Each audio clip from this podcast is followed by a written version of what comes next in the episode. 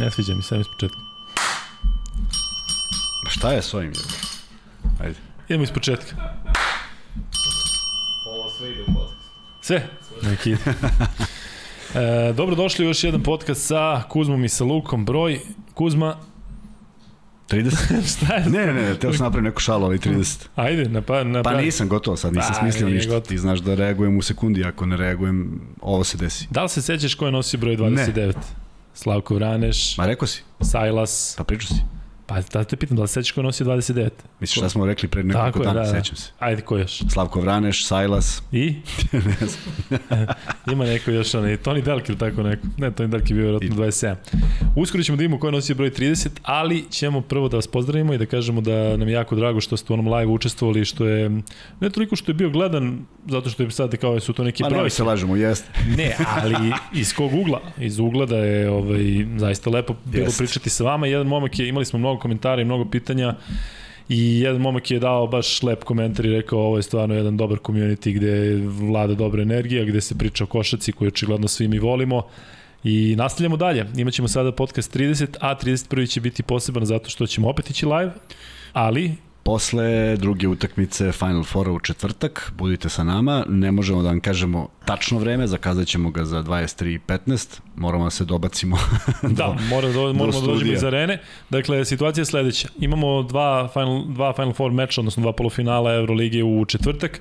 Čim se to završi, čim dođemo, taman vi malo da se okrepite, da se da se sredite i onda ćemo raditi live. Bitno nam je da čujemo i, i vaše utiske, bit će sigurno vatreno u Beogradu i svi zajedno ćemo posle to komentarisati. Imali smo opciju da možda mi live komentarišemo neki meč, ali bi bilo nategnuto. jako Bilo komplikovano. bi, da, ne bi, ne bi ovde bilo izvodljivo, tako da ovo je mnogo, ajde da kažem, jednostavnije u svakom Tako, slučaju, a verujemo da će ljudi želeti da vide. I ako tamo ne krene neki u miri, u neki neredi, ako ne redu, ne krenu, onda će Vanja ovaj, da ostane sa nama ovde do 2 i pričamo do pola noći, tako da četvrtak 23.15, podsjetit ćemo vas ovo i na kraju emisije, ali ubićemo u live-u, tako da eto, imamo zaista puno naših e, e, pratilaca koji su sa svih strana sveta, tako da nekom je vjerojatno taj termin je super. M, Nekome će najviše odgovarati da Tako budemo da. što kasnije i samo još jedna stvar, ako se dese neki nepredviđeni momenti tipa produžeci i ostalo, naravno sve se prolongira, ali svakako Čekajte posle, da. da.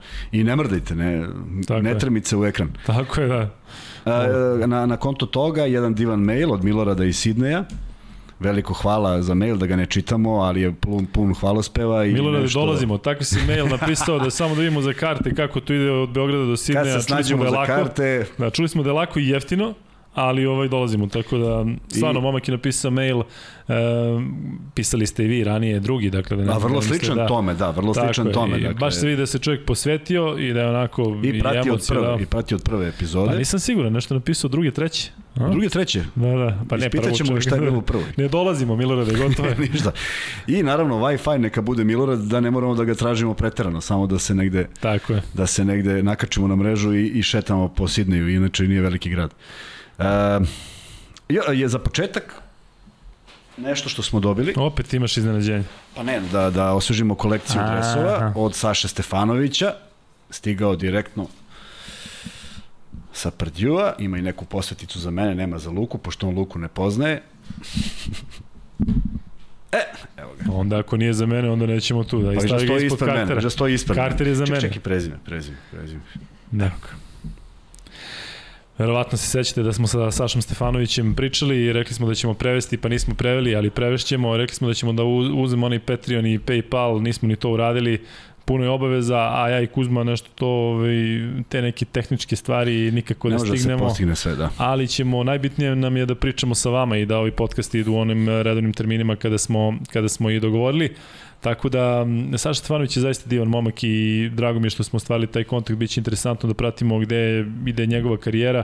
Da li si, da li ti možda nekako onako on kao igrač, znam da ga poznaješ bolje od većine ljudi sa ovih prostora, ali da li bi volao da ga ti vidiš u nekoj sredini, domaćoj, stranoj, NBA, G liga, šta misliš da je za njega bi da vidim u košaci, volio bi da nastavi, zato Da, što... to je sigurno. Da, i on je bio najmlađi na tom kampu, To je bilo 2017. sad je pet godina kasnije i zaista pokazao jedno, pre svega, košarkaško razumevanje, a kažem, jedan od najmekših šuteva koje sam video i u ostalom tome je bio zaštitni znak, zato je on i, šetao od pozicije do pozicije, pa je negde mogao da igra od 2 do 4 sa izuzetno dobrim procentom šuta za 3 i to mu je neko glavno oružje. Vidjet ćemo kako će se odvijati draft, vidjet ćemo kako će sve to teći, ali zaista bi voleo da bude ona jedan od momaka koji nastavlja svoju karijeru, jer Uh, jako je posvećen, jako je vredan, uh, potiče iz košarkaške porodice, otac koji je potpuno uh, onog, onog zdravog razuma bez, bez gestikulacija tokom utakmice i nekih saveta koji su obično kontraproduktivni i ne želi da bude u centru pažnje, ali sigurno ima šta da mu kaže jer i on prošao istu tu školu,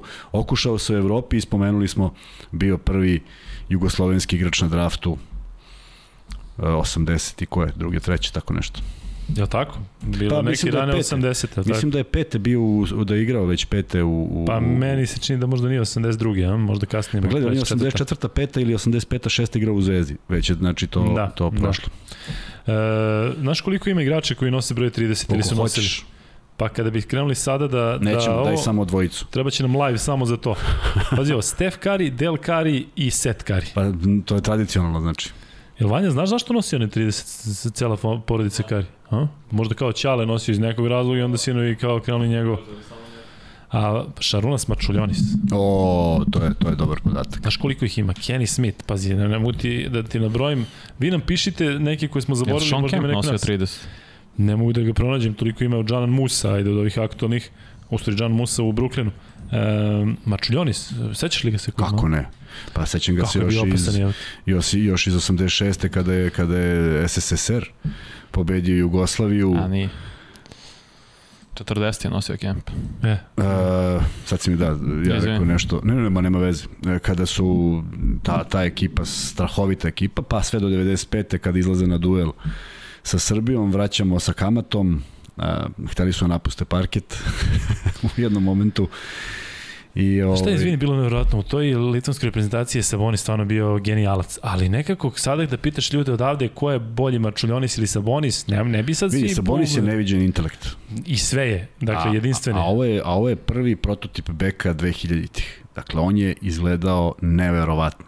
On na poziciji 1 na koji 1 i 2 na koji su igrali Saša Đorđević, Danilović, to je bilo kao da je došao neki neki uh, Cyborg i ušao, zaista je bio nenormalno jak, odlično igrao, ostavio u ono vreme ozbiljan trag u NBA. Da, to je, pot, to je potpuno drugačije nego da, danas. Potpuno da. drugačije vreme. Sa, Za evropske igrače. Tako je, tako je. Tako da da, divno, divno što si ga pronašao.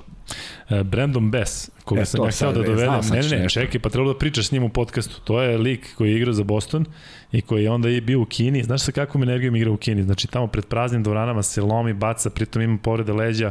Brandon Bess u Bostonu, kažem, potencijalno naš e, sagovornik u, u podcastu, ali je mnogo lakše ići preko američke varijante, zašto sam probao preko kineske, to ne da je izgubljeno u prevodu, nego, znaš, treba da objasnim, u njihovom klubu da, da je njihov igrač da postoji Brandon Bez. Znači, kažem ti, jako je bilo teško Brandon i naporno. Brandon Be? Uf, Tako znači, kažem da ti, Bez se javi se da, da ne idemo preko nekih ovaj, naših naših e, linija. E, ima još igrača. E, da li znaš ko je Michael Beasley?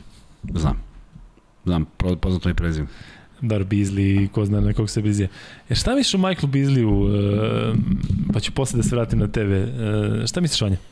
Ultra talentovan. Kakav car. Ultra, ultra talentovan. A znaš koja je bola u glavi? Kuzma, u, znači, još veće. Da, ali i ima ona priča kada on, e, sada to, to, koliko znam, medicinski nije dokazano da čovjek kao koristi samo 10% svog mozga. Dakle, to, da pitaš sada ljudi iz medicine, to kao je neki, razumeš, ide, ide ovaj, e, ta priča uopšte nije realna ali on pokušao da objasni nešto što ja razumem, kako, kao, šta ako onaj što ima 11%, a mi svi koristimo 10%, pa da li on tu hteo da kaže da je on taj ili nije, ali znaš ti kako se on zavuku? Sigurno. Ali ti ne možeš da veriš kako je sad ova voditeljka, ne možeš da znaš, on se tu Ja kapiram poentu, ali bilo mi ga žao. Pritom on je bio ono, e, može se reći talent kao Kevin Durant. Njih dvojica su i dobri otaci. Oni su, se, oni su se kidali, kažem ti, samo je u glavi lud. Kažem ti, Treba da budeš alkohol, kompletan da vožnja, bi, sve. treba da budeš kompletan da I bi uspeo. tako, i Kevin Durant kada je, kad, pošto su stvarno bili najbolji drugi kada su odrastali, ili tako nešto, da li sad najbolji, trenirali, ne znam šta, i kada je vidio na draftu da ga je izabrala ekipa Miami, on je odmah rekao, ovo nije dobro. Znajući njega, da ode u Miami, znaš, šta već nosi Miami Da. sa sobom, i ovaj, možda bi stvarno bio bolji igrač. On je u Njujorku čak imao i neke dobre epizode, ali žao mi ne znam sad U. Sjetlu bi, u Sjetlu bi uspeo. u Sjetlu danas je tako, da. da.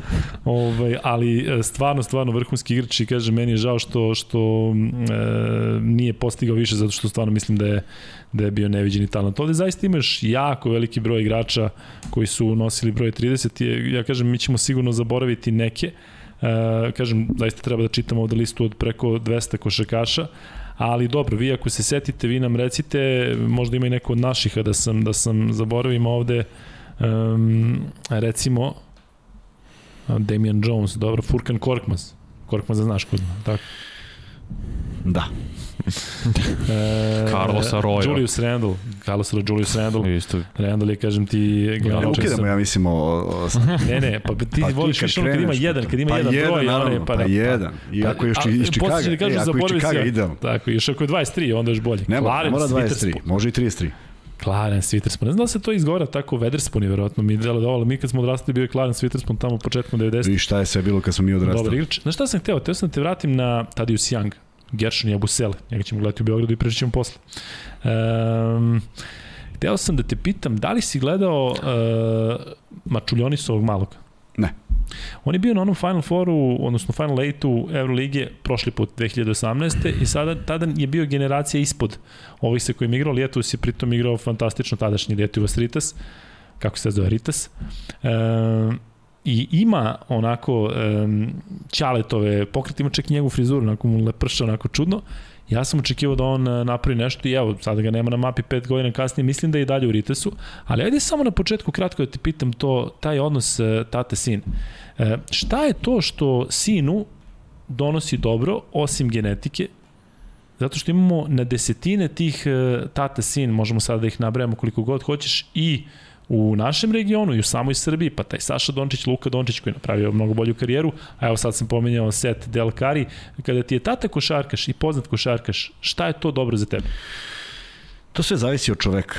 E, Ne može da se napravi pravilo jer neki sinovi su uspeli da budu bolji od očeva, neki nisu, neki su imali osjećaj da ne mogu da dostignu oca, od samog oca, nesvesno ili svesno, ili Da. takvih primjera. Ali nije lako prevazići neke koji su dostigli uh, ozbiljne, ozbiljne uh, visine. Naprimjer, uh, Davorin Dalipagić je divan momak koji se bavio košarkom, imao svoj neki domet u košarci, ali prosto... Sjajno zakucavao, Prosto, mnogo bolje da, od tate. Sve je to u redu, ali, ali Zoe je bio zaista Da. neko ko je otišao. A znaš da je E, priča za Davorina da je već dugo trener e, na nekoj destinaciji Dubaj ili Katar nešto, ali znaš da. trener čega? Ne, Tenisa. pa divno. Da. A, ho- Hoću ti kažem, on je i počeo da igra verovatno zbog toga što mu je otac bio košarkaš. Možda bi se našao u nečem drugom.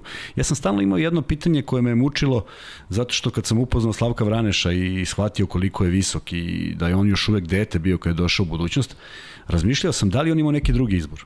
Da li je Slavko Vraneš mogao da se bavi nečim drugim? Naprimjer, Slavko Vraneš želi da svira klavir. Je li to moguće? Pa osim ako onim prstima ne, ne udari Je 3 li moguće da se bavi nečim drugim? Pa naravno da je moguće. Čime? Naprimjer, sedne... Čime, čime se bavi sad? Eto baš čime, čime se bavi Ničim se ne bavi, u tom i jeste problem. Ali on je želeo, on je želeo da bude profesor. I kako sedne uopšte u ono. Ti, ti ljudi teško pripadaju. On je prosto bio osuđen da se bavi košarkom. Hteo, ne hteo. Pa dobro, ne mora da znači. Evo ti imaš Johna Isnera koji je 2.14 koji je teniser. Ne, ne, ne, dva, pa do, dobro. I Ti baš govoriš nađeš- sad ćeš nađeš 2.29. jednog. Znaš, A ima još. ima ovaj ljudi od njegov- 2.10 koji šetaju u Beogradom, a nisu se nikad bavili sportom. To jeste misterija. ali- Jel ima, a? ne znam, tog ne Naravno. znam.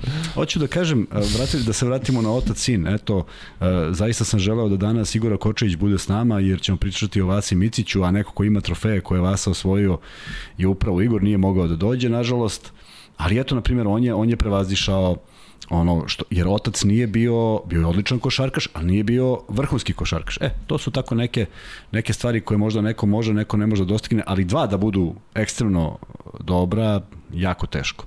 Neko ko je to možda uspeo u svom svetu i u periodu u kojem je igrao je bio Srećko Jarić, koji je bio zaista fantastičan igrač u Jugoslavije i Marko koji je došao do NBA. Ne vidi mu se, ne vidi se Kuzmi ono Jarić iznad glave, tačno mu je iznad glave Jel Jarić, tako? da, da. Marko, i ko ti je Pa bio bolje, Srećko ili Marko? Pa Srećka sam drugačije. stvarno, ne, Srećka sam stvarno malo gledao. Mislim, Da. Srećko je već 80-ih bio, Da. da. mi smo imali jednu utakmicu nedeljno, gledaš zvezdu koju, za koju navijaš, ne dobacuješ do kvaliteta, jer još uvek se nisam ni bavio, niti razmišljao o košaci kao nekom sportu koji bi želeo da gledam. Mnogo sam više gledao futbal i uživo i, i na televiziji, ali kažu da je bio apsolutno iz, ispred svog vremena jedan vrhunski košarkaš, a ovaj drugi je nije od kuda iz jednog radničkog, uspeo da ode u Grčku, tamo napravi ime i onda dalje manje više sve to znamo. Tako da i taj odnos otac-sin može da bude presudan. Uh, mnogi roditelji su propastili svoje sinove, neki su To uspeli sam da... praktično, kad te, te to pitam, pitam te i za taj tu lošu stranu, kada tata nešto ne uradi, pa sad hoće da mu sin uradi I bolje to može i sve. da bude kontra. Uh, to je, pa vidi, to su ti, to su ti 90% roditelja koji nisu iz sveta košarke. Da. Znaš, oni, oni žele svoje neke ambicije Tako da ostvare, ne videći gde je sin.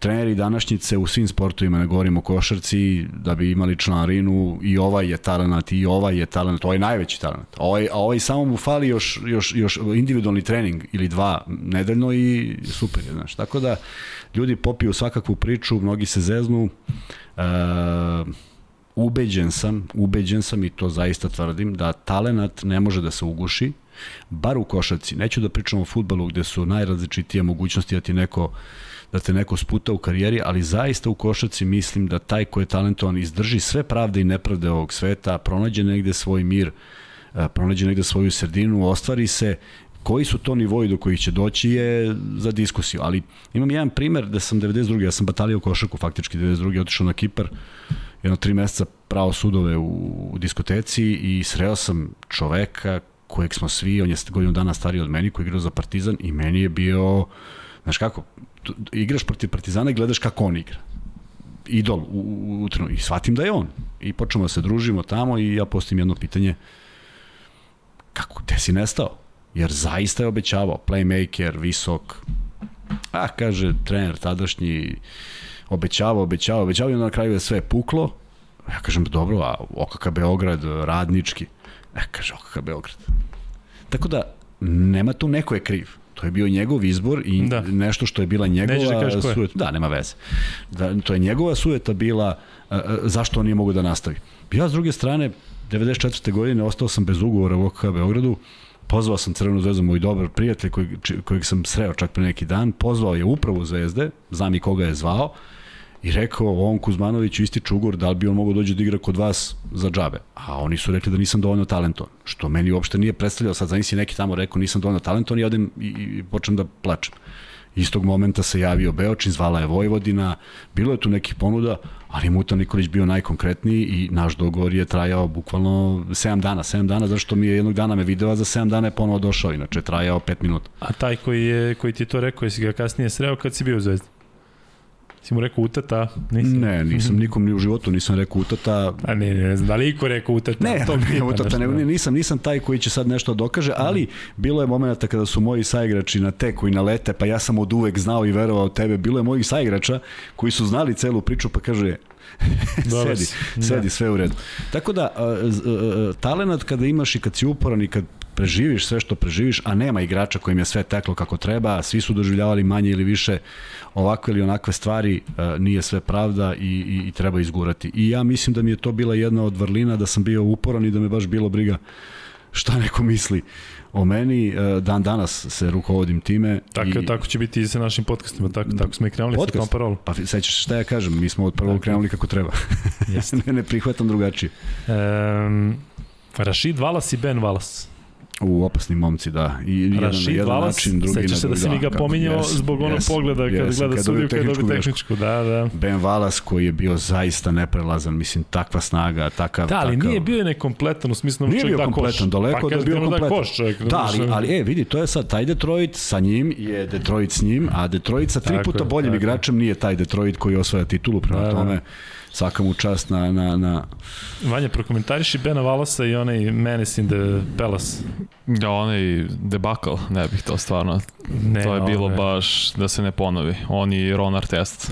Pa dobro, nije samo on i Steven Jackson, znaš priču kada su Yes. se tukli i kada je Ron Artest, kada su sad puce na sve strane, svi, ja, i dolaze u, u, u, ovaj, u slačionicu i pita Ron Artest, Steven Jackson, koji je intelektualac čovjek koliko god gledao da je sa, delovao sa ulice. I Ron Artest pita kao, šta misliš će da nas kazne? Kaže, brate, mi više nećemo igrati košarku nikad, brate, ne da će nas kazne. Ali ovaj, nevjerovatno događaj. Ja mislim da je odmah posle toga krenulo ono da ne sme da se Da, da, tad je, tad, Da, da, tad je da. bukalo. Znaš ko je još jedan broj koliko se borio? Bernard King. Bernard Legenda King. Ubica. Ne, kad ti ne vidim ovde mači lampe mi izađe i drago mi je ovaj da je tako, ali, ali ima ovaj, jesi ti video, video si, video si koliko ih ima, ima ih. Ne, Bernard King je ostao u pamćenju uvek. Kako se zvao Kuzma ovaj tvoj? Dante Jones? Evo ga. Dante Jones. A ne, ovo je Dante Jones, ovaj iz Clevelanda što je igrao sa Lebronom na kraju, što je sad negde trener. Dante Jones je sad, ja mislim, trener u Clevelandu u pomoćni. Vidio sam ga negde Da. nešto, neki Clippers ili tako nešto, ima neku... A ko je GM Nixa onda? Je li to onda James Jones GM? Ne Nixa, nego Ne, Sansa. Nije ovaj GM, ovaj, kažem ti, neki tip ono drugi ili treći pomoćni, pomoćni vidio sam da je, da je ono nekoga bodri baš onako e, moguće. On, onda je James Jones GM Sansa. se. Moguće, moguće, moguće. E, Reggie Evans ima, ima dosta, ali ajde mi da pređemo na ono što, što je mnogo bitnije, to je, ima zaista dešavanja ABA liga, e, Euro liga, NBA liga, e, Kuzma, odakle ćemo, ja mislim da je najsvežije ono što se desilo u Podgorici, to je taj poraz Partizana u drugoj utakmici. E, posle ćemo da pričamo o završnici. Ali ajde mi reci do, do same završnice da taj, taj deo odvojimo zato što mislim da, da treba poseban sektor za ono što se desilo u poslednjim sekundama Partizanu. Ali um, Partizan je loše ušao u utakmicu. Meni se čini da, da oni kada uđu loše, da ono što i sam Željko Bradović je rekao, treba vreme da se ova ekipa, da postane ekipa. Delo mi da kada počnu loše, da se teško podižu, ovde do u suštini jesu, pa su opet pali, dakle, kao da je bio meč sa Bursom i ulazak i u čemu je tu problem? To ima negde nekog objašnjenja ili je samo znam, iskustvo? ne znam, to zaista mogu ljudi iznutra da znaju mnogo više. Što se iskustva tiče, ovaj tim nema takvo iskustvo. Nema iskustvo, Avramović nije igrao sa ovakvim trenerom, nije imao ovakve zahteve u igri. Jedan igrač koji može da ih sprovede. E, Tristan Vukčević koji je došao još uvek treba da, da, da, da, da, da savlada sve što se od njega traži, Balša Koprivica takođe, dakle nema ovde mnogo iskusnih igrača, Lida i Panter svakako ne, momci koji prednjače u svemu tome, Meni je ovaj LD mogu ti reći mnogo sigurnija opcija. Ja da sam trener, Pa bih je pre da jeste, njega, da. ne samo zbog ovog juče, nego ipak sećaš se i on što je uradio sa Armanijem i kažem ti, on je očigledno neko ko, ko kažem ti, u tim završnicama je onako sigurniji. Tako i sam Željko Bradović juče, rekao. naravno što juče, bio Da, je da, da, zaista da, majestralan, on nije promašio ništa ako se ne A uzme... sećaš se da je on bio loš tokom sezone, da je bilo njegovih padova, pa smo svi pričali da, Da, kao da je Zekle da. da. pa bolje je tako, bolje da padneš tad, pa da sad kada treba da, da ovo. Imamo primere u NBA ligi gde, gde, gde se to dešava, imamo i obrnute primjera. Panter je došao do tog e, vrha gde smo svi mislili da ne može da promaši, ali sad kada je najpotrebnije ekipi, Ne, koliko odjednom ga poena? nema. On će sad igrati potpuno drugačije u Beogradu, želeći da pokaže da je ovo potpuno jedan Što znamo da može da bude potpuno- Upravo to, da. upravo to, da može da bude van svojih pozicija za šut i da, da, da brza i da želi što više, mora da se uvede u igru ako Partizan želi da pobedi potpuno drugačije nekim jednostavnim stvarima. Zaista ovo, ovo juče nije bilo, ja ne, ne znam da li ima ovako izdanje u, u, u toku lige, Pa možda i u karijeri nula poena, zaista ne znam je. da li se dešavalo njemu da ima E nula poena u svim tim. Da, e sad, s druge strane, Partizan otvara loše, ne otvara ni budućnost nešto, budućnost nešto spektakularno, ali odlaze na tu neku razliku od 7, 5, 7, 5, međutim u jednom momentu i 13 razlike. Partizan najveći problem ima u, u o, slobodnim bacanjima. I ono što je interesantno za jučerašnju utakmicu, neverovatan broj faulova, gde sam gledao utakmicu i zaista se pitao da li je sudijski kriterijum bio a, takav da su svirali svaki kontakt. Nije. Jednostavno, sve su to bili faulovi rukama po ruci, ruka po ruci, telo, udar. Dakle, nekontrolisano.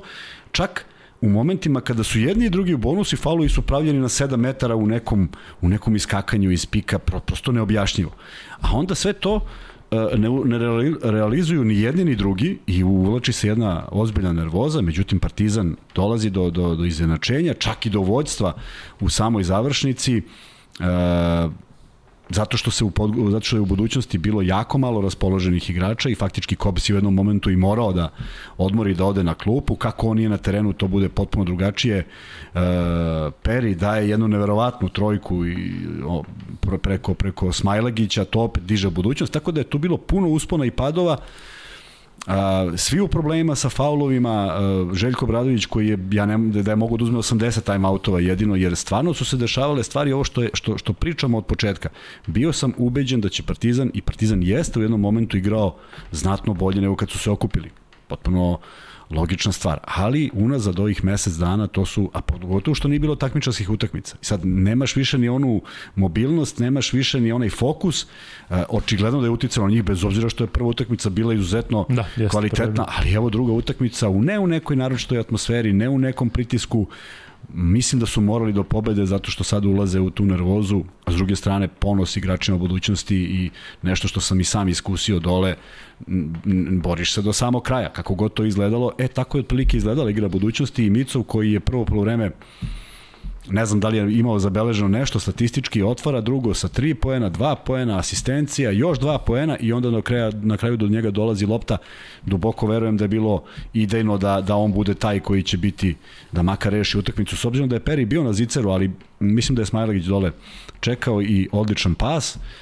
Ne mogu da kažem lak šut, imao je čoveka na ruci na skoku, međutim, eto, ako je doveden za to, ispostavilo se da je on taj koji je rešio, I onda dolaze te posljednje 4 sekunde da je to mnogo vremena i dovoljno vremena za možda neki prodor u, kažem, u tom u toj konfuziji, u tom broju faulova, u toj želji da se pobedi, možda bi se desio neki kontakt koji bi poslao igrača Partizana na slovno bacanje. Ovako, lopta je došla možda iznuđeno do Lesora, možda to nije bila prva ideja, s obzirom da vidim da su igrači u budućnosti jako dobri, dobro pokrili prve pasove, ipak Džikić je neko ko sa Flajsom jako dobro radi svoj posao, posvećen je tome i skautira sve mogućnosti. A, lopta je došla do Lesora i ispala mu iz ruke i... Je li došla uopšte, ja? Došla jeste, da. Doduše jako ne, teško. Ne, je nešto da je možda Jako samo... teško, neki dodir i ispala mu iz ruke i da. to je to. Ali u svakom slučaju o, i jedni i drugi su u problemu bili, budućnost može da bude zadovoljna što su pobedili to tu utakmicu nema nema po čemu da se pamti. Ne znam da li je bilo nekih četiri smislena poteza. Uh, komentator je rekao da je Partizan valjda imao šest, a budućnost četiri asistencije u prvom poluvremenu. Mislim, što je apsolutno, što govori dovoljno kako se dakle. igralo. Jedan uzme loptu, pa do kraja Verovatno stegnuti. van, van svega što su treneri zamislili. Da, dakle. e, to je, to je ogroman problem. A s druge strane, kad, kad, kad sabereš razigrane igrače u ovom periodu kada mora da bude 3, 4, 5, ono malo, malo čas, malo čas za nešto drugo sam rekao.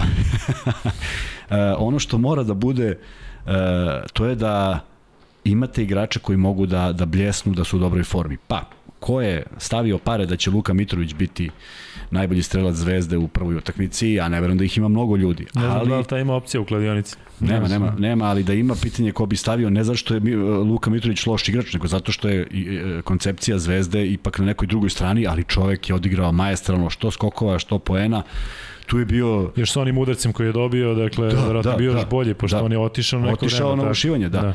Onda Nikola Ivanović koji je podsjetio na one stare dane, Kalinić koji je bio svoj, i svi oni koji su igrali, malo ljudi to primeti, ali fantastična odbrana Lazića koji imao motiv više da da ne ostavi Pulena ni jednog sekunda. Pulen sve što je dao je dao u momentu kada Lazić nije bio na njemu, a ne možda bude 40 minuta. Prema tome, znalo se ko šta radi i uh, sa, sa, za razliku od Partizana i budućnosti Zvezda mnogo mirnije ulazi u ovaj meč. Ne kažem da mislim da je favorit u punoj dvorani u Ljubljani, daleko od toga, pogotovo što ovi momci žele da produže sezonu, neuspeh u Evrokupu, a to može tako da se protumači u odnosu na igre koje su pružili, ne na početak sezone, ne možeš ti na početku sezone da kažeš naš plan je ovo, nego kako se je odvijelo. Čak oni su bili ispod plana e, što se tiče Evrokupa do polovine. Odjednom taj bljesak i, i, i nada da će ipak napraviti veliki iskorak, možda doći do šanse za Euroligu, sve se to srušilo i mislim da su i oni bili u priličnom šoku,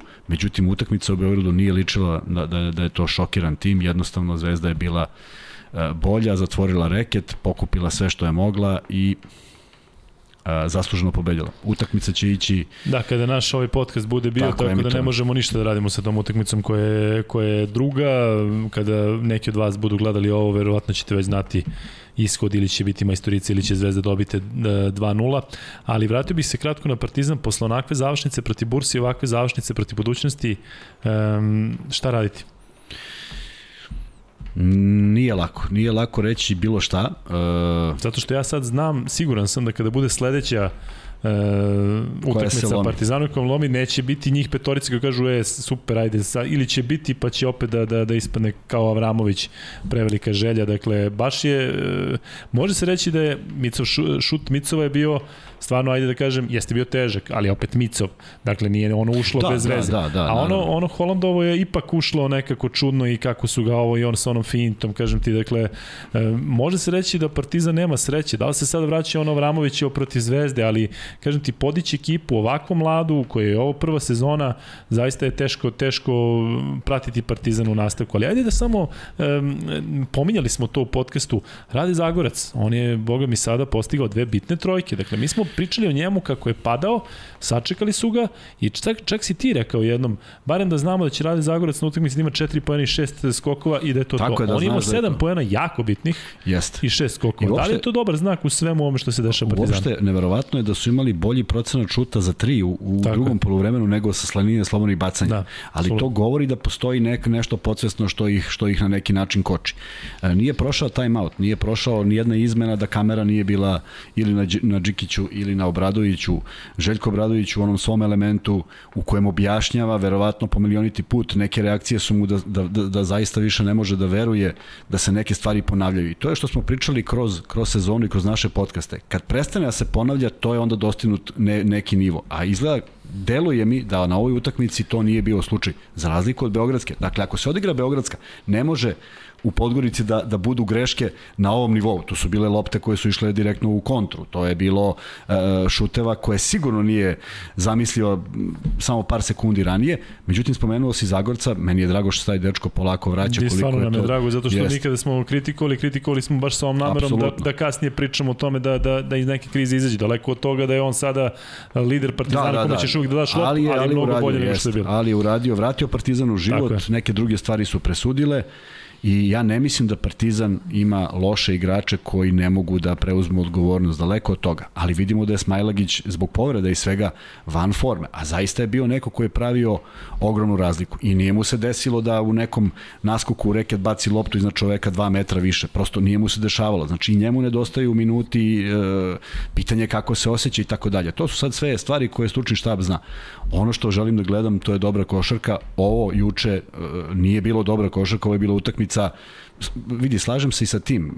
Imali smo svi mi utakmice koje želiš to pre da zaboraviš i računao se jedino rezultat. On bi se računao i Partizanu i budućnosti kao nešto najbitnije. Sve ostalo pada u vodu jer sumnjam da Džikić ili Obradović bilo čime mogu da budu zadovoljni.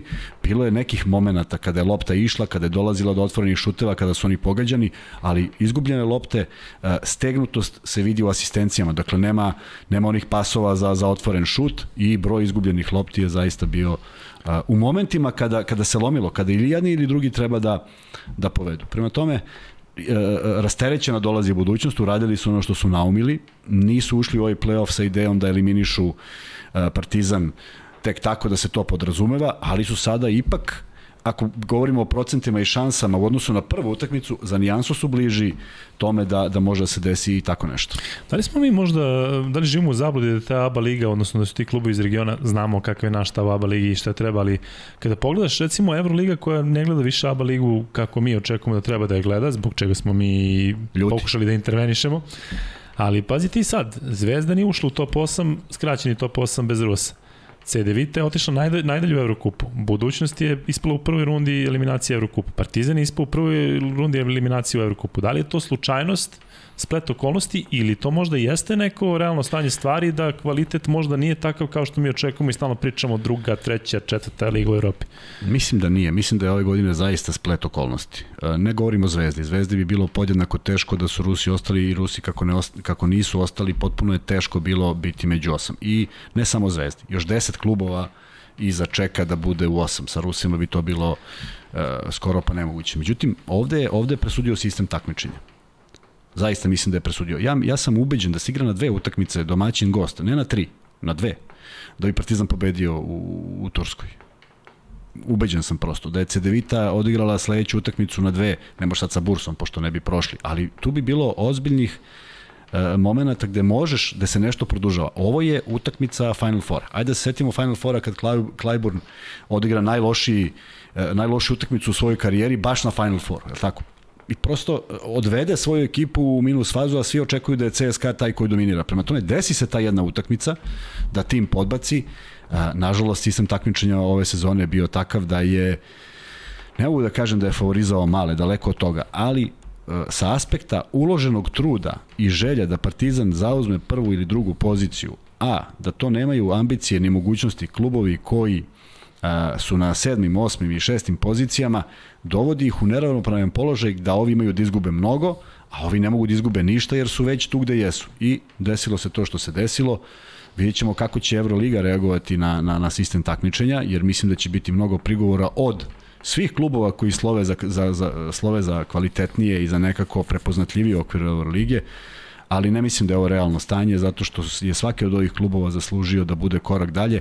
Budućnost ne bi bila e, poražena da je samo Willi Reed bio tu, desio se taj peh koji ga je odvojio od, do, do, do, do, do kraja sezone, tako da desilo su neke stvari koje nisu bile planirane i mislim da je to problem ne u samom kvalitetu, ne u samoj činjenici da su treneri pokazali prilično, Džikić je ozbiljan trener, Obradović je ozbiljan trener, uh, Golemac pokazuje se radi da. odličan da. posao, dakle za sve te tri ekipe je šok ispadanje u toj najranijoj fazi. Tačnije, korak dalje otišla Cedevita. Pre nego što pređemo na Euroligu i sve što se dešava u Beogradu u narednih dana, hajde još malo da ostanemo u regionu. Da li si pratio možda situaciju kod tih hrvatskih klubova? Oni su trebali, trebalo da se da, izjasne. Da, i ništa nije da se izjasnili su. Da. I šta su beše rekli? Pa ostaju u ABA ligi. Je tako? Da. I to je to? Kraj priče? Da. Da li će Rađe biti i dalje predsednik Košarkaškog saveza? To je sad Zato što, pitanje. Znaš da si ti sam rekao, da li sad smeš da ideš protiv da, njega da. ili, znaš, Šta sad radiš? Ovako su mu poslali poruku, ovde nam je dobro, poslali su idemo dalje. A, a, ako idemo na nivou, ja predlažem, a vi usvajate ili ne usvajate, onda je sve u redu i nema tu sad neko da se ljuti. Ja mislim da je ovo dobro za hrvatsku košarku, klubovi kažu da nije i to je u redu. Demokratija, prava Pa da, da je bilo, ako vi ne ovo, onda mi ovo, to već ne vodi ničemu da. i bojim se da, da, da, da ne dođe u nekom kasnijem periodu, ali s druge strane, uh, uh, ono što smo pričali i ta netransparentnost ulaska i činjenice da dva srpska kluba ničim izazvano igraju za popunu ABA 1 lige, nije, nije, ne, nema smisla i mislim da to treba da se promeni pod hitno. Pa ako hoće da zaštite nacionalni šampionat, neka Hrvati zajedno sa Slovencima i Bosancima organizuju ABA 2 ligu i imaju prođu, imaće dovoljno kvalitetnih takmičenja. Ne verujem da će Alpe Adria, šta god, kako god da se zove liga sa češkim i slovačkim klubovima, njima povećati kvalitet. I jedino što slažem sa Rađom je da bi se stvorio pobednički mentalitet, vrlo je jednostavno, ekipa mora da pobeđuju u kojem god takmičenju. Oni imaju plejadu mladih igrača koji sebe ne mogu da vide kao pobednike. E, to jeste najveći problem. E, Ajde sada pre nego što stvarno pređemo na Euroligu, da malo prekomentarišemo ove silne titule koje su dobili naši. Tako Pričali smo o e, Jokiću koji je MVP, Teodosić je MVP finala Evrokupa, Vasa Micić je najbolji strelac e, Eurolige. Um, ne možemo da kažemo da nas je to iznenadilo zato što je Jokić bio MVP prošle Ništa godine, Vasa Micić je uh, aktualni MVP Euroligi i dalje, Teodosić je bio MVP Evrokupa, Teodosić je bio, ako se ne varam, i MVP Euroligi, to moram da proverim, ali u onom periodu CSKA, dakle... Uh, Ništa iznenađujuće, ali, samo jedna zabluda da, si, da se, da, da ne pričamo o uspehu srpske košake, pričamo o, ili vole to ljudi da spomenu, koliko smo dobri. Nismo, zato što je meni draže da Zlatibor iz Čajetine ima prohodnost u Dobro, ali ovo su momci, znaš šta, izvini, ovo su ipak momci koji su skroz naši. Do, ne, ne, potekli u našim ma, klubovima, ma, dakle, znaš... To je najmanje sporno, nego kažem taj Mega, taj Todosić uvijek igra za reprezentaciju, znaš, sve ih znamo, svi su tu, sve kažem, mi znamo, samo ne govorimo o uspehu. Pa, e, sad si me pitao šta je uspeh. E, svi klubovi su podbacili Jadranske ligi. Dakle, nije uspeh Jadranske lige. Jel bi menjao to jedno za drugo? Koje? Da su, pa recimo da nemamo ja nijednog uvek, nigde, ja uvek, a da, da... Ja uvek, tako smo vaspitani. Da. Mislim, to, to što je važilo u toj SFRJ, važan je uspeh tima, važan je uspeh tima, neko, neko je to, nekog je bol uvo i onda, pa je napravio dobru karijeru, ali gro ljudi je živelo na račun toga i zaista su preko reprezentativnih selekcija i tražili angažmane. Da. Mi, e, imali smo jedan interesantan podcast koji bi danas trebalo da izađe na, na, na sport klubu. Trifunović, Berić i ja sa Igorom Mikljom. A, pričamo, ne mogu kažemo tri različite epohe. Mića i ja smo zaista zajedno u svemu tome. Trifa je za nijansu stariji. Koji je peh bio kada je kada Trifunović nije uspeo da uđe u reprezentaciju, a zadesilo su ga sankcije. Ko je, ko je odlazio u inostranstvo? Pa samo igrači koji su bili u onih 12. I mi zaista u tom periodu imamo samo iz tih 12 igrača koji su u inostranstvu. Niko nije mogao ranije da ode. I kako da ode? I ko te vidi? I ko te zna? I zašto bi te uzeo? I ti si prokazan jer si pod sankcijama, tamo neki Srbi. Jedino što se videlo reprezentacija, a tamo na, na najvećoj sceni su mogli da vide kakvi su to igrači, pa nije ni čudo što ih je neko birao. Da. S druge strane, da je Srbija, u, Jugoslavija u tom trenutku bila jaka zemlja finansijski, pa što bi odlazili? Da. Tako da, m, ja bih menjao te uspehe da su svi otišli korak dalje i da Jadranska liga imala e, zvezdu u top 8 i finalistu ne mora da osvoji Evrokup, ali onda bi se, znaš, ne može, ne može svi da budu drugi, je tako? Ali da ima jednog finalistu i da osvoji i onda tu pričaš o jednom uspehu lige. Tako, tako to je uspeh košarke. A izvini, bi ti lično recimo volao, to je ono klasično pitanje, čuo sam čak i da neko to postavlja, ali bi bio ranije, radije e, najgori igrač u pobedničkom timu ili najbolji igrač u timu koji nije pobednički?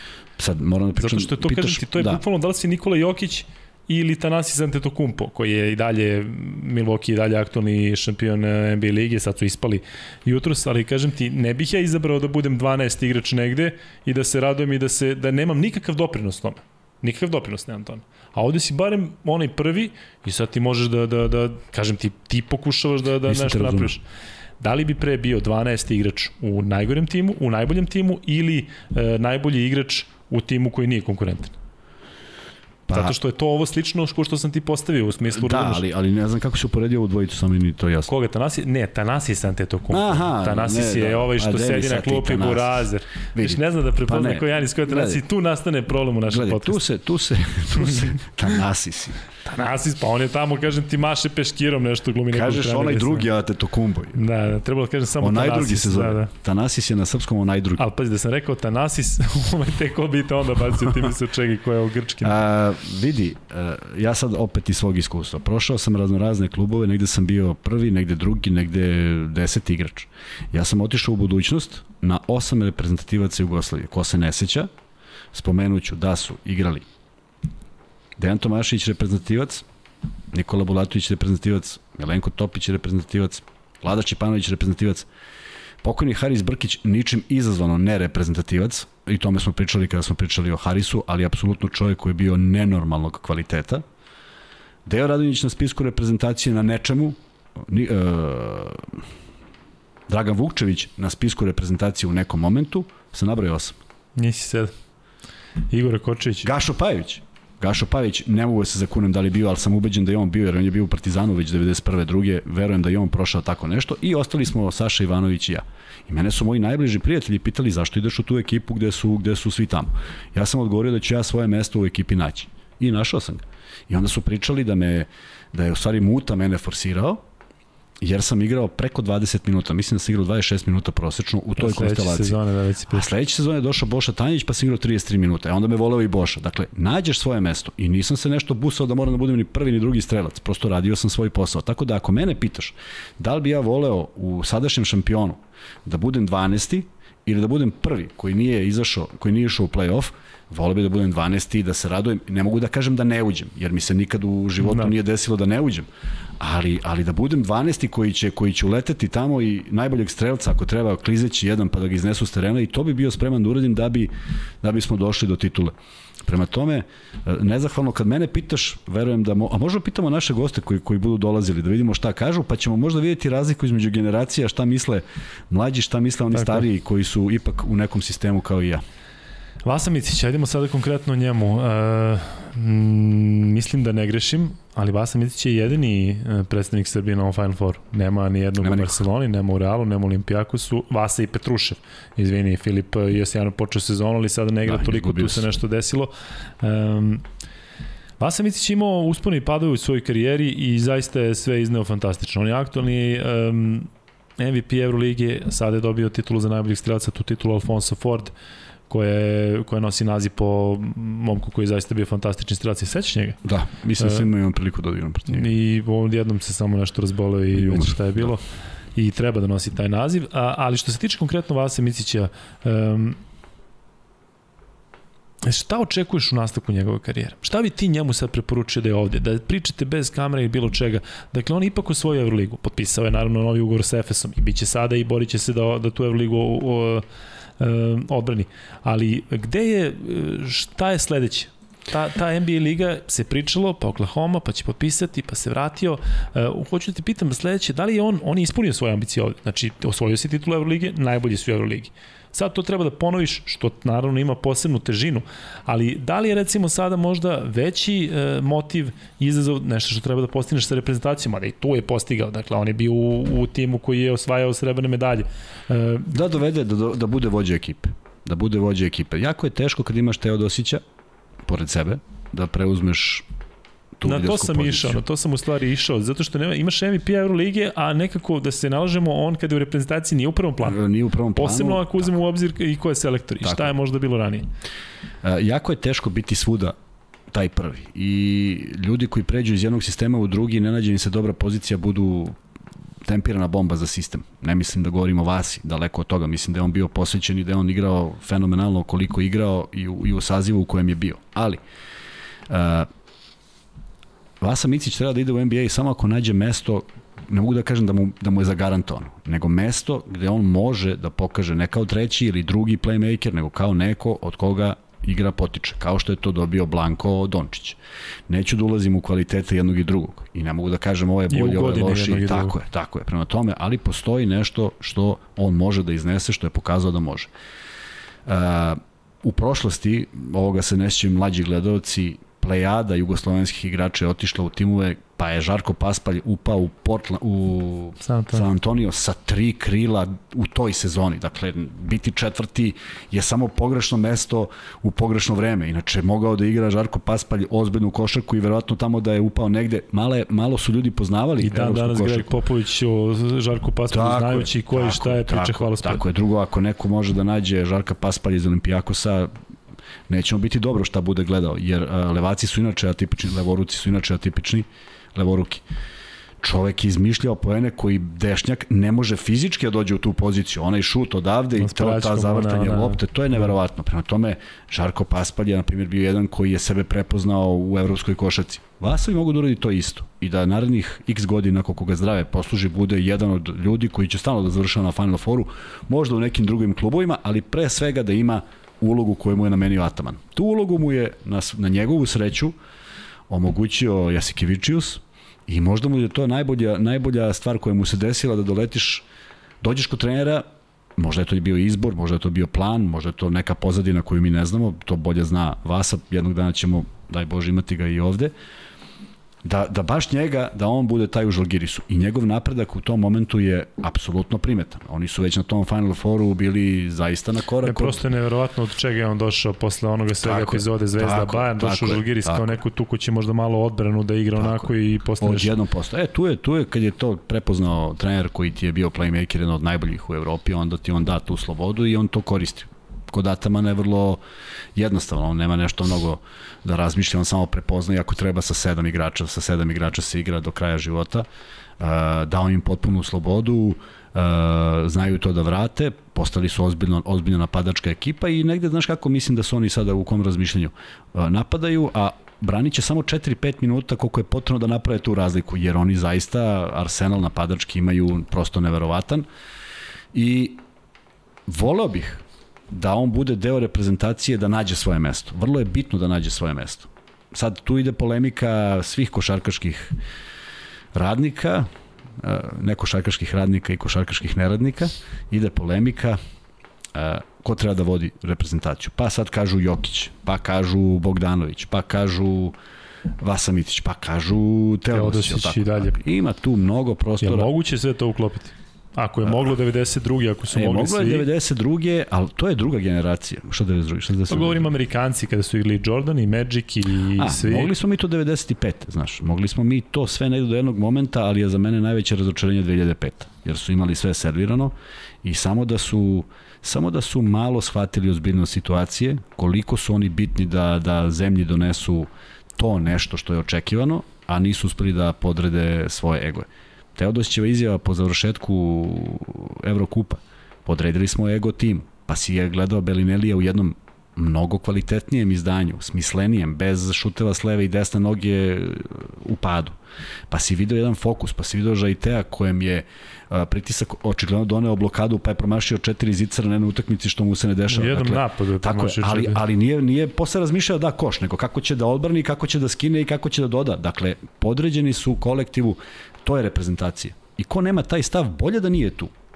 Jer, jer bit će kvalitetniji neki igrač koji ima tu želju i koji će razumeti svoju ulogu nego 12 zvezda.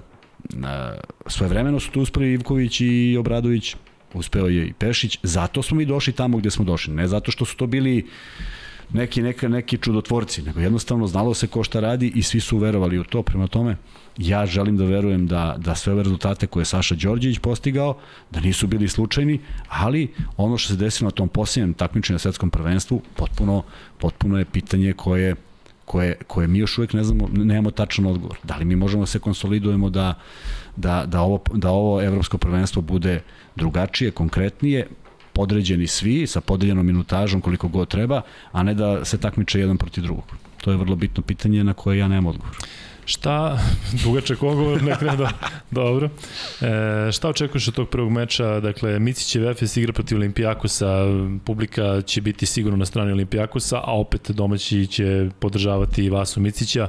Ne, nema mnogo domaćih karte su zaista... Pa bit ćemo mi tamo, ako ništa. Biću vas, sa. To. E, Biće, biće pakleno, imamo Slukasa da li koji je to iskusio. Olimpijakosu to iskustvo s Lukasa koje pominješ, e, ti navijači, da li Olimpijakosu neke ekipe koje ipak ovde e, najslabija kada pogledamo i roster, pa možda čak i sezonu, zato što ne možda kažeš da je Real outsider ili Barca, outsider ili Efes koji je aktualni šampion outsider kako god bio u, u regularnom delu sezone. Ali na papiru, kada pogledaš Olimpijakos, ali oni su bili u takvoj situaciji. Jesu. I osvajali su titulu u takvoj situaciji. E, početak, početak sezone, da sve samo staviš na papir ko igra gde, ne svrstavaš ih u četiri, Tako je. to je sigurno. Uspeli su da naprave jednu dobru seriju u jednom periodu u sezoni, zasluženo prošli, bez obzira što je utakmica broj 5 bila uvek, uvek to bude na neki način lutrija, ali zaslužili su je. Imaju par igrača koji to znaju, dobro su koncipirana ekipa, zaista mislim da imaju pokrivenost na svim mestima, da li će to biti dovoljno za jedno iznenađenje, jer jedna utakmica u pitanju, ne znam. A s druge strane imaš Efes koji negde, negde proveva priča da su sve to planski radili, pa su planski birali, sumnjam. Sumnjam Ja, ja, ja tu priču, ja kažem u ovakvom sistemu takmičenja mislim da postoji sigurno, negde ti kažeš ajde sada da malo popustimo, nego gde jednostavno ne gruvaš i sve snage. Pa znam, I što ali, se tiče ali treninga i sa što se tri, tiče utakmice. znam, ali sa tri ruska tima možeš ga gruvaš posle koliko god hoćeš. Ja mislim da bi oni ušli u playoff.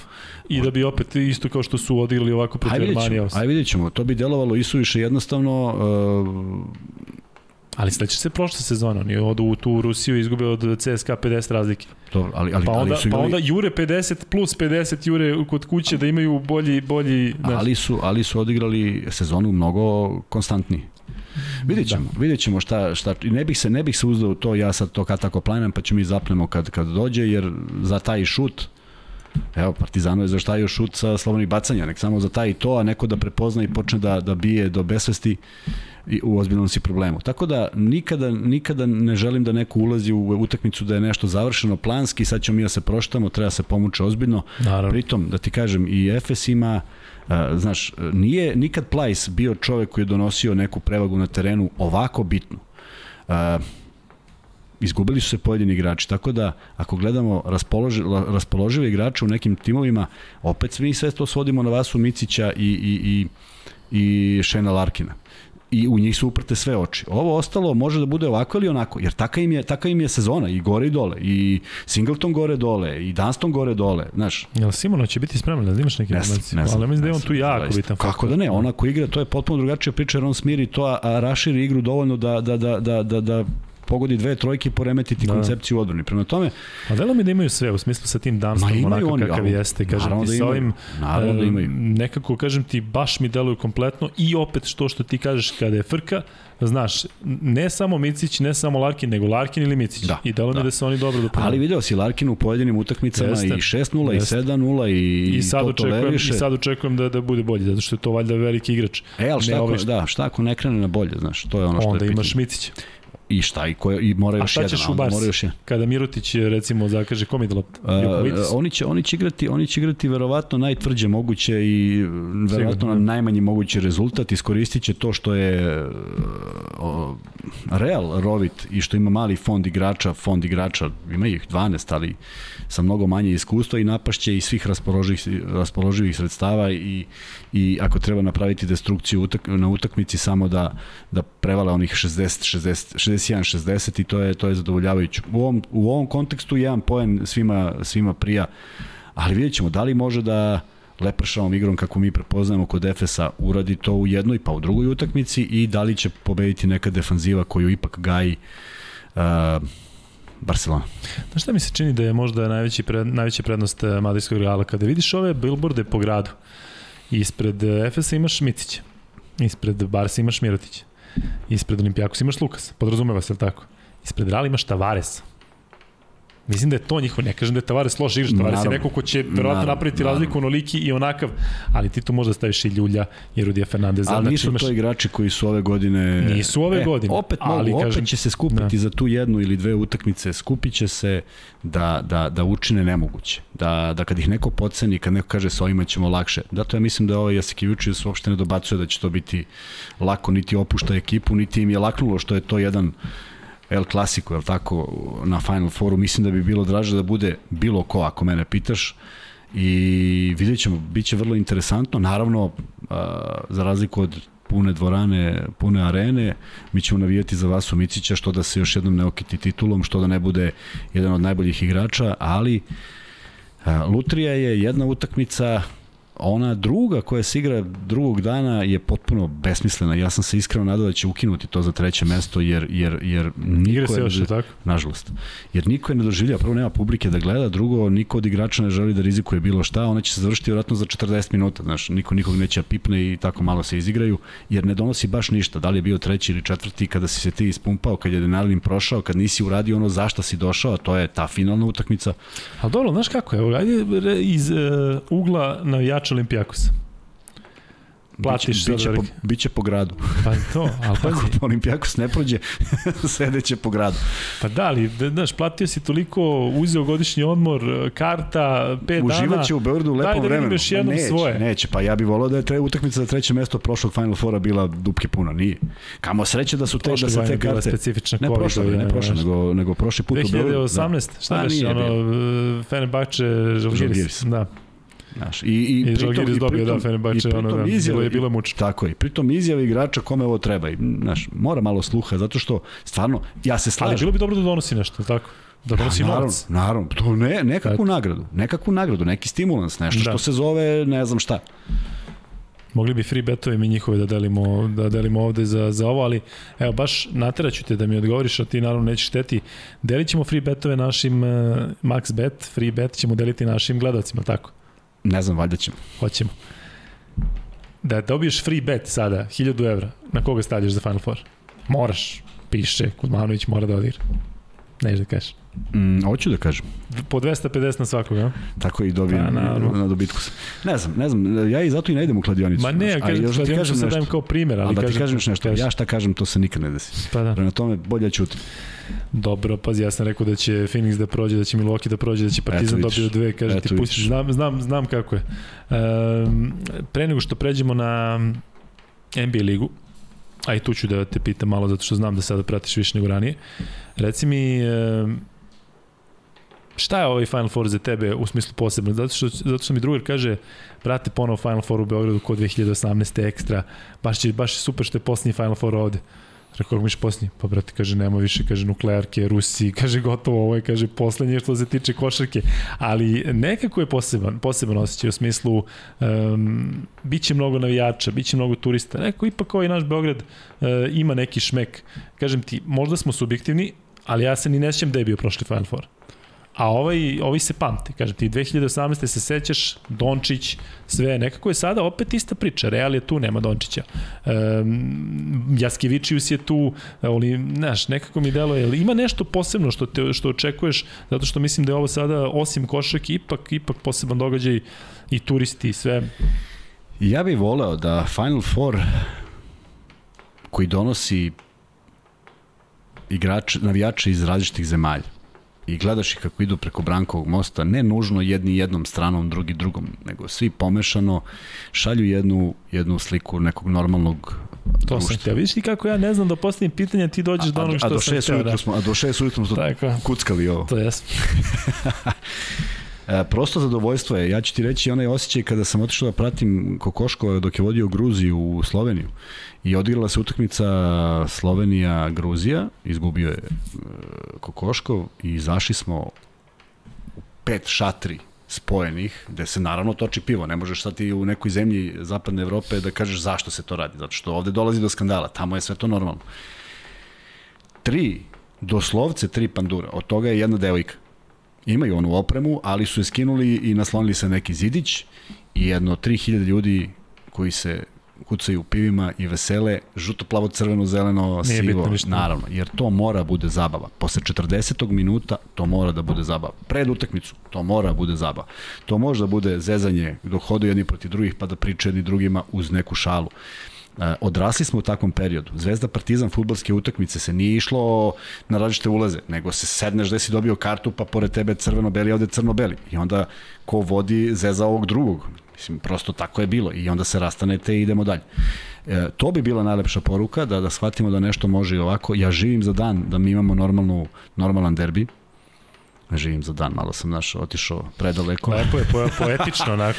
E, živim za da mnoge nećeš dane, dočekati, ali, da, da, ali bi volao da vidim Zvezda Partizan i da to prođe. I u ostalom, i Zvezda i Partizan imaju problem u okviru Evrolige da uvek plaćaju kazne. I Partizan u svom mandatu i Zvezda u... To, to, to su nenormalni troškovi. Ja mislim da niko nema podjednako kao, kao beogradski klubovi. Što je veliki problem. Utičeš... Olimpijakos i Panathinaikos, mislim, nema. Pa znaš da je kod njih čak i gore nego kod nas. Uvijek nije ljudi kao- gore, ne, pa i onda mi, či- znaš, onda, onda možda ja samo čitam ove vesti, ali ne vidim da su da su ih kažnjavali. Voleo bi da izađe, ima sigurno statistika kažnjenih klubova, aj baš da imamo gde se nalazi Zvezda unazad pet godina ili Partizan unazad tada. E, prosto moramo da shvatimo da negde je jedan, taj, taj performans je deo folklora, deo našeg temperamenta, sve je to u redu i sve je, sve je uh, uh, do, divna stvar evo, koja se desila. Dakle, Bursa je šokirala Partizan. Alimpijević izašao, skrenuo pažnju igračima da pozdrave publiku. Publika je fenomenalno pozdravila. Znači, to može da se radi. Tako je. De, veliki, velikom broju ekipa se u, na zvezdanim utakmicama dešavalo to isto. Jeste, dešavalo se. Da. Žao. Moj šok kada smo igrali tu Euroligu, pa smo zaista se vratili sa 0-5 prve sezone na 5-5. Mi smo bili, budućnosti bila ekipa sa najvećim povratkom. Pobedili smo Asvel 20 razlike na njihovom terenu. Ne mogu kažem da je buka kao u pioniru, jer nikad nije. Izvini, molim. te. Uh, ne mogu kažem da je bila takva buka, ali bila je dobra atmosfera. I kako je 20 razlike, očekuješ sad neku reakciju. Kako je sudija svirao? Gromoglasan aplauz. Mi mislimo, ok, pozdravljaju svoje, bodre ih. Ne. Mi izlazimo na sredinu terena, okrećemo se, aplaudiramo, pa sigurno 30 sekundi stojeće ovacije, jer neko je savladao ubedljivo u jednoj fantastičnoj igri njihovu ekipu. Gledamo šta će se desiti kad se mi povučemo, mi se počnemo. Još gromoglasniji aplauz, jer su imali još jednu predstavu, bit će bolje. To je to. Tako da to... Misliš da nije moguće kod nas sad, kada ako bude ovaj ja, ja želim da... Šta? Pa ako dođe do ABA finala između Pa Zvezde i pa Partizana. nažalost teško, znaš, mi stalno, e, stalno postoje neke, ne, ne, neke struje koji žele da tu postoji neki raskol. Pričali smo sa Lukom Mitrovićem, to je jedno normalno poštovanje, niko tamo ne želi nekom polomi nogu, to su sve igrači koji su prolazili kroz različite selekcije zajedno. zajedno. i igrali u reprezentaciji Tako i sve. Prema tome, svesti to na nešto da to bude divno, da to bude deo. Isprazni se, ma nikakav problem. Ali bez S onog... granicom tako i je, zna sa se šta je granicom, 40 minuta. Tako je. Ka tome težimo, Kuzma odmori A, malo. još jedna stvar. I bio bi naravno... ćeš, ćeš doživjeti tu jednu stvar, a? O, ne znam, ali na primjer, na primjer, sad zamisli mogućnost koja je možda Jedan, jedan čovjek je prošao pored mene na utakmici Cedevita Zvezda i rekao mi je vidimo sledeće godine na Final Four. Nisam razumeo šta znači, pa sam, Nepoznan čovjek ili znaš ko je? znam, ali neću da kažem ko je. Pa je onda priča pada u vodu. Uh, Jovanović Petar. Dobro. šta kaže Per? Pera kaže, vidimo sledeće godine na Final Fouru u Beogradu. E sad, zaista razmišljam od tog momenta, da li bi postojala opcija da u sudaru ovih svih polarizacija zapadno, istočno, istočno zapadnih, ovo bude neki grad, domaćin, neko ludilo, nek, neko mesto gde je po pisanju ovog američkog što šeta, ne znam da si gledao neki bloger, vloger, kako se to zove moderno, išao po svim gradovima u Evropi i šetao Beogradom u 2 ujutru, u 4, u 5, u blokovima, ovamo, onamo i kaže nigde se nisam osjećao bezbednije nego u Beogradu. Da li to može da postane jedan centar za Final Four? E, e, daleko od svih podjednako, uh, ambijent košarkaški Bilo bi lepo. vrhunski pa to mi sad Ali ovo je ovo što sam ti isto pitao, ovo je sada mislim 2018 je bilo super, mislim da je ovo sada prava prilika da se dokaže da li to može. Dakle zavisi od toga šta ćemo videti sada u Beogradu. Naravno, ali nema razloga da ne bude zato što Tako. su ljudi iz IMG-a uh, u delegaciji u koju su došli rekli da je što se njih tiče bio jedan od najneverovatnijih, najuspešnijih Final Fourova što se tiče i sve organizacije, a naročito zbog činjenice da signal u tih 100 sati koje smo emitovali na sport klubu nije nestao ni jednog trenutka, niko nije zapeo neki kabel, niko se nije sapleo i pao pa neka kamera crkla. Jednostavno sve je funkcionisalo savršeno. Mislim da smo kao sport klub dali izuzetan doprinos tome da smo postavili neke Pa, standarde. mislim da je ne samo doprinos, mislim da je to direktno uvezano jedno sa drugim i da nije možda slučajno um, Final Four ponovo u Euroligi. Naravno. Zato što se zna ko Euroligu Naravno. prenosi svaku utakmicu već koliko dugo. tako to je, tako kažem ti, tako bitan, je. bitan faktor. Tako je. Um, ajde za kraj. Čekaj Već samo što govorimo. kažem. E, još jedna stvar. Neće, neće da, da pređemo na NBA ligu. Pa ja, ja, ja sve vadi ovo mikrofon i sve. E, imamo klince u Beogradu u Ranko Žerovice hali, dakle osam najboljih ekipa, tu će biti Zvezda i e, Mega, za one koji ne znaju, dakle uvek kada je Final Four imamo i taj e, e, Adidas Next Generation Tournament, e, da li ćeš otići da vidiš neku utakmicu? Pogledaš. E, možda, zato što jedan moj prijatelj radi ovaj e, program. Niste pitao zašto. Dovešće taj prijatelj. Jedan, ba- neki. Nije neki naročit čovjek. Da, ali dobar A prijatelj. bolje, Da, da. bolje kakav je radnik? Bolje je čovjek. To, to. Ovaj, Petar Ivanović jedan. imamo, imamo Media Day, prijavio nas Ilija Kovačić, mene i Miću Berića, ne znam da li će Mića doći, dobijam, dobili smo i dresove i patike, ne znam kad se to odigrava, tako da pozivam sve da dođu da gledaju nas, nemojte gledati tu decu. Šta, njih ćemo gledati i u narednih godinu. E, Dobio si patike, a? Nisam još, ali poslao sam A, broj. znaš da možda da, da, da biraš? Znaš, Kako da biram? Pa ne znam, neke, kada su bile kolege ovamo pre nekog godina, Pa daj, neke koji, koji mi Hardenke. savjete nešto. daješ? Vanja, koje patike Hardenke ne bi uzeo nikako, samo ti Znaš kažem. ko će da toliko- Uzet će Jordan Curry. Ne, ne, ne može. Zar može za Adidas ili generalno bilo koje? Jordan Da, da Curry, Adidas, Adidas. Čekaj, Adidas, Harden, pa tako da. da, da Nije što uzmio Donovan Mitchell. Eto ti. Sve On ti čovjek rekao. Jel on je pevač? Jeste, Donovan. Kako zove, Jason Donovan? Jason Donovan Mitchell. Jason Znaš Mitchell Donovan. Mitchell bio je ovde u Beogradu. Kako da ne mogu znam. Neću sada da ga pitam NBA ligu iz inat. Znači, evo, Ne bi ti odgovorio- ne bi ti odgovorio Rekao sada- ti Luka Dončić nosi ovo, Ne bi ti odgovorio ko je bio Ako najbolji hoćete, na vi Boston, pite na Milwaukee. sportske.me. E, Vanja, si čulo ovo, a? Ne sam se radio. Uh, jače. ovaj, ja sam isprognozirao, ti si mi negde i podržao ovo sa, ajde da pokušam da objasnimo ovo između Phoenixa i Dallasa, ovaj sedmi meč. Da li može to da se objasni? Uh, ne može se objasniti stvarno. Znaš šta je najbolje? ono- Kada sam vidio na twi, ja nemam Twitter, ali sad izađe na Bleacher Reportu kada Sofron je udara onog, Da, kaže da. ovako je bilo onog, ima, znaš ko je Sofron je, Sofron Kako znaš da ne znam. E, Sofron je onaj- Leghorn. I tako, Znamo kada uzme onog psa pa ga udara ovako, ja mislim da je ono bilo prašenje, kažem ti, izraz lica navijača Phoenixa, e, ja mislim da je lakše bilo biti navijač Partizana protiv Burse nego ovako da te neko dođe i da te razvali, da ti ni u jednom trenutku nisi, šta vidiš kao, kao ja ne, mogu, ja ne mogu da objasnim, sad me neko da pita, ti me pita šta je, ja ne mogu da objasnim. Ne znam da objasnim, zato što prvo Phoenix je svaki meč dobio skoro 20 razlike kod kuće.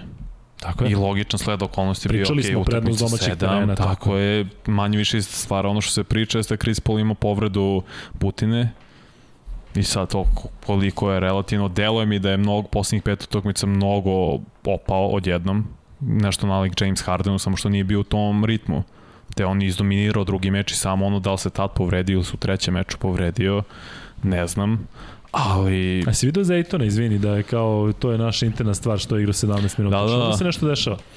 Ne znam, je inače prvi pik na draftu, na, da, na draftu bio 2018. Pazi, ja, pazi to, ko je bio tada trebalo da bude prvi, Luka Dončić.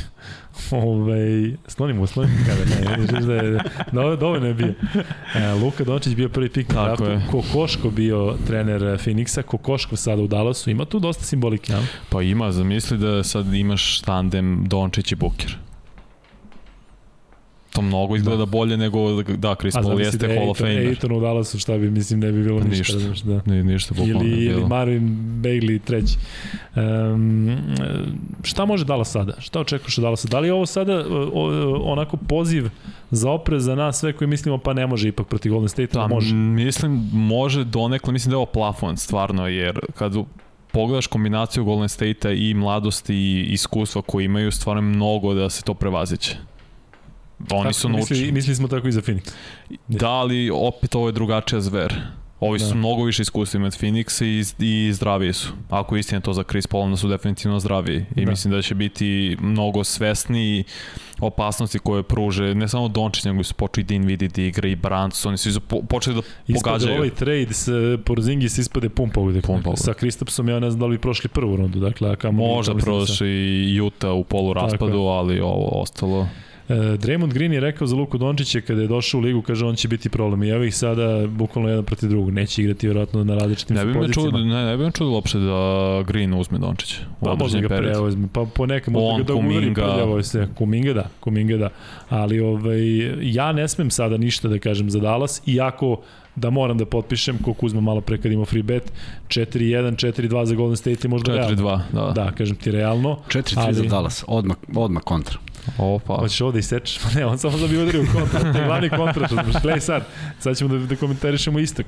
A, da pređemo na istok. Miami, Boston. E, jel ti je to e, draže nego... Draže. Draže, a? Da, d- Ima draže. tu i istorije dosta, ima svega i svačega ima. To ima, sećam se ona utakmica broj koja je to bila 6, Lebron Jest. 45-15.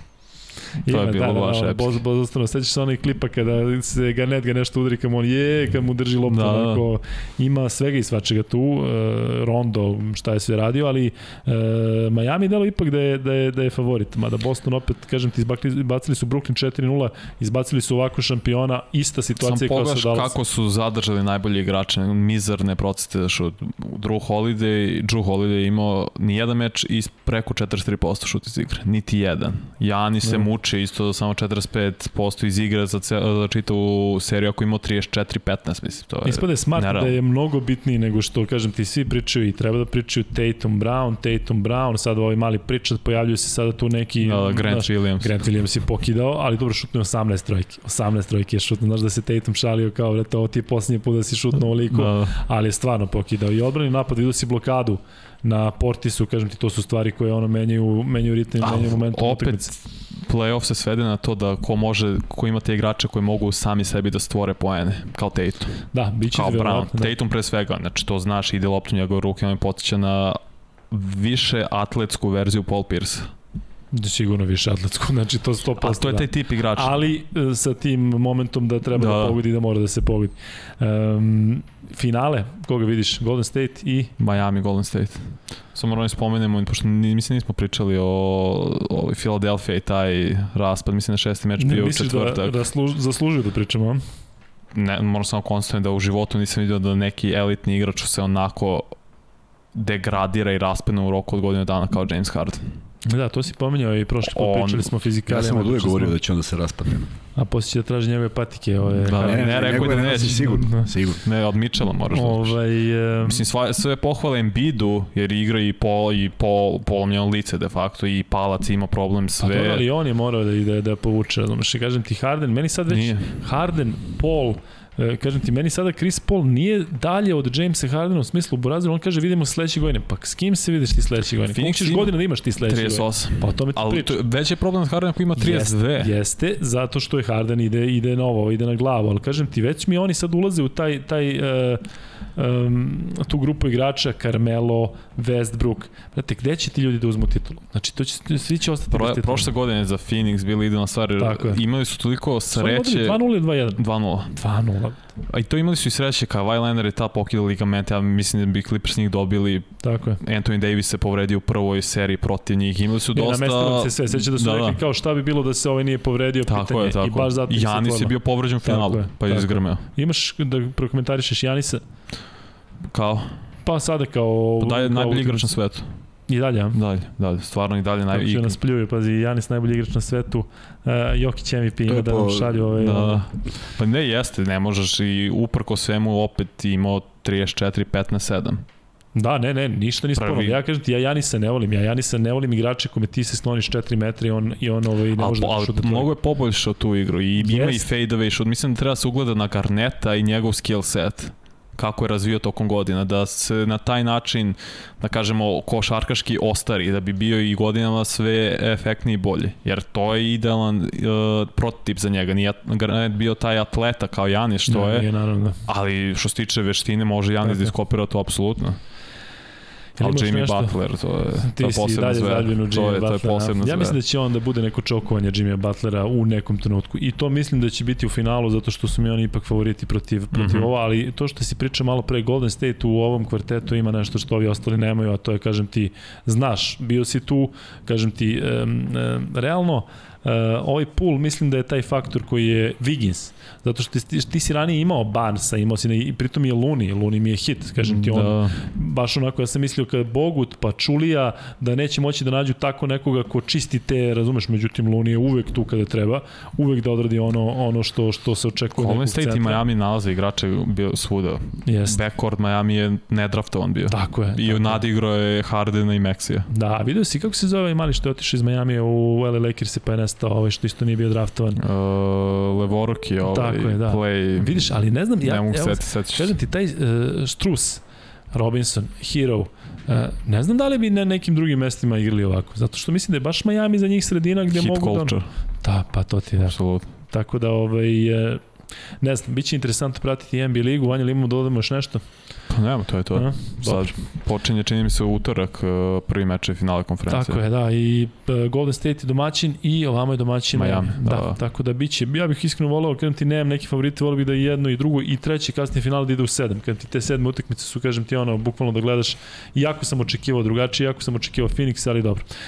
E, Kuzma, imaš ti još nešto da dodaš? Smiješno menu je Jovanović Andriju da, i loptu. E, nisi, spomenuo si, spomenuo si Milorada i još nekoga, E, da, nisi da. Jovanović Andrija je trebalo da dođe kod nas takođe, kao čovjek koji nas prati od početka i da nam donese potpisanu loptu koju on osvojio u nečemu, u nekom takmičenju na prethodnom Final Fouru, trebalo je da bude ovde, razboleo se, nažalost, pozdravljamo ga, bit će prilike da ga ugostimo ako bude želeo i mogao da dođe jer bismo time eto neke te suvenire sa prethodnog uh, Final Fora obezbedili i kažem žao mi je što Igor Kočić nije bio tu sa sve trofejom koji je Vasa dobio malo stariji, ali čovjek koji ga je osvojio nekoliko puta sigurno ima Doći što da kaže na tu temu. Doći će, možda će tajming biti drugačiji, ali dobro, e, mi smo najavili gosta, nismo hteli da ga dovodimo sad zašto ne bi bi imalo smisla, vidite Da. da. koliko je ovo, a opet nismo ispričali sve, tako da taj gost je, ajde onako da kažem, možete u bilo kom trenutku da pričate o bilo čemu sa njim, a sada se baš isprepletalo ABA Liga, Da, NBA da, Liga da i naravno Final tome, Four i onda ne bi bio, ne bi bio opet, kažem, tajming dobar. Što se tiče e,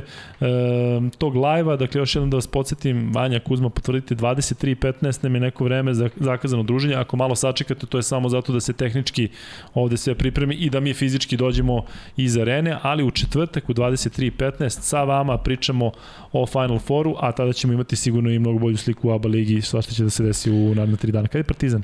Majstorica. Moram da pogledam. Zve- Zvezda je večeras, Zvezda je Partizan ne ponedeljak. može pre sreda, sreda četvrtak, ne Ne vreme može četvrtak igrati.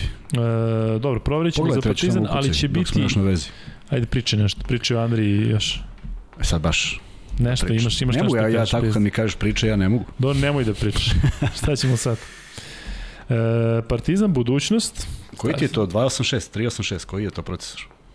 286. Da me pitaš za telefon i sve, ti znaš kako se Ne, procesori kad su počeli kompjuteri. 18 i 5 i 19 časova Stark Arena. 18 i 5.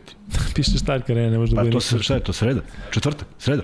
Sreda, sreda, sreda. Dakle, Partizan i budućnost igraju u sredu. E, dakle, pa imamo, biće, imamo sve to, dakle. Vanja, ti, A nemamo znači, Zvezdu opet, javi, tako- javi da će doći kući ujutru. I Ja Kad da igra Zvezda, pogledaj. Pa ne mogu to da ne, ne, mislim da uh, Kako ne ovde gde ja to gledam u flash score uh, treba A. da se odigra druga utakmica da bi mogli da vidiš ovom. Ovako ti ovo ne daju. Ali Ima, ima u programu kad se igra, ali ako I- Zvezda igra sutra, to je danas, to znači da ne Ali može pre... ja mislim da će Zvezda igrati u petak, zato što to je jedino logično da igra u petak, Tako zato je, što da neće ne u bude četvrtak. dok je Final Four. Tako i tako da Da. A možda i neće biti u ta treća. ja mislim da neće. Vidjet ćemo večeras. Uh, ali sam do, dosta dobro prognozirao prethodno, tako da ajde Tako da, da vidim. bolje ne kažeš ništa. Ne, pazi, toliko sam dobro prognozirao da čak i ovo što sam pročitao nisam siguran ovaj, da, li, da li će Partizan igrati u sredu. Elem, um, 23.15, četvrtak, sledeći put se vidimo i pričamo pre svega o Final Fouru, bit će sveže, svih vi koji ste bili sa nama i u prethodnom live-u, zaista vam se radujemo, a nadamo se da će biti još vas, tako da Kuzma, to je to za ovaj podcast 30, 31, dakle, drugi live. Vidimo se.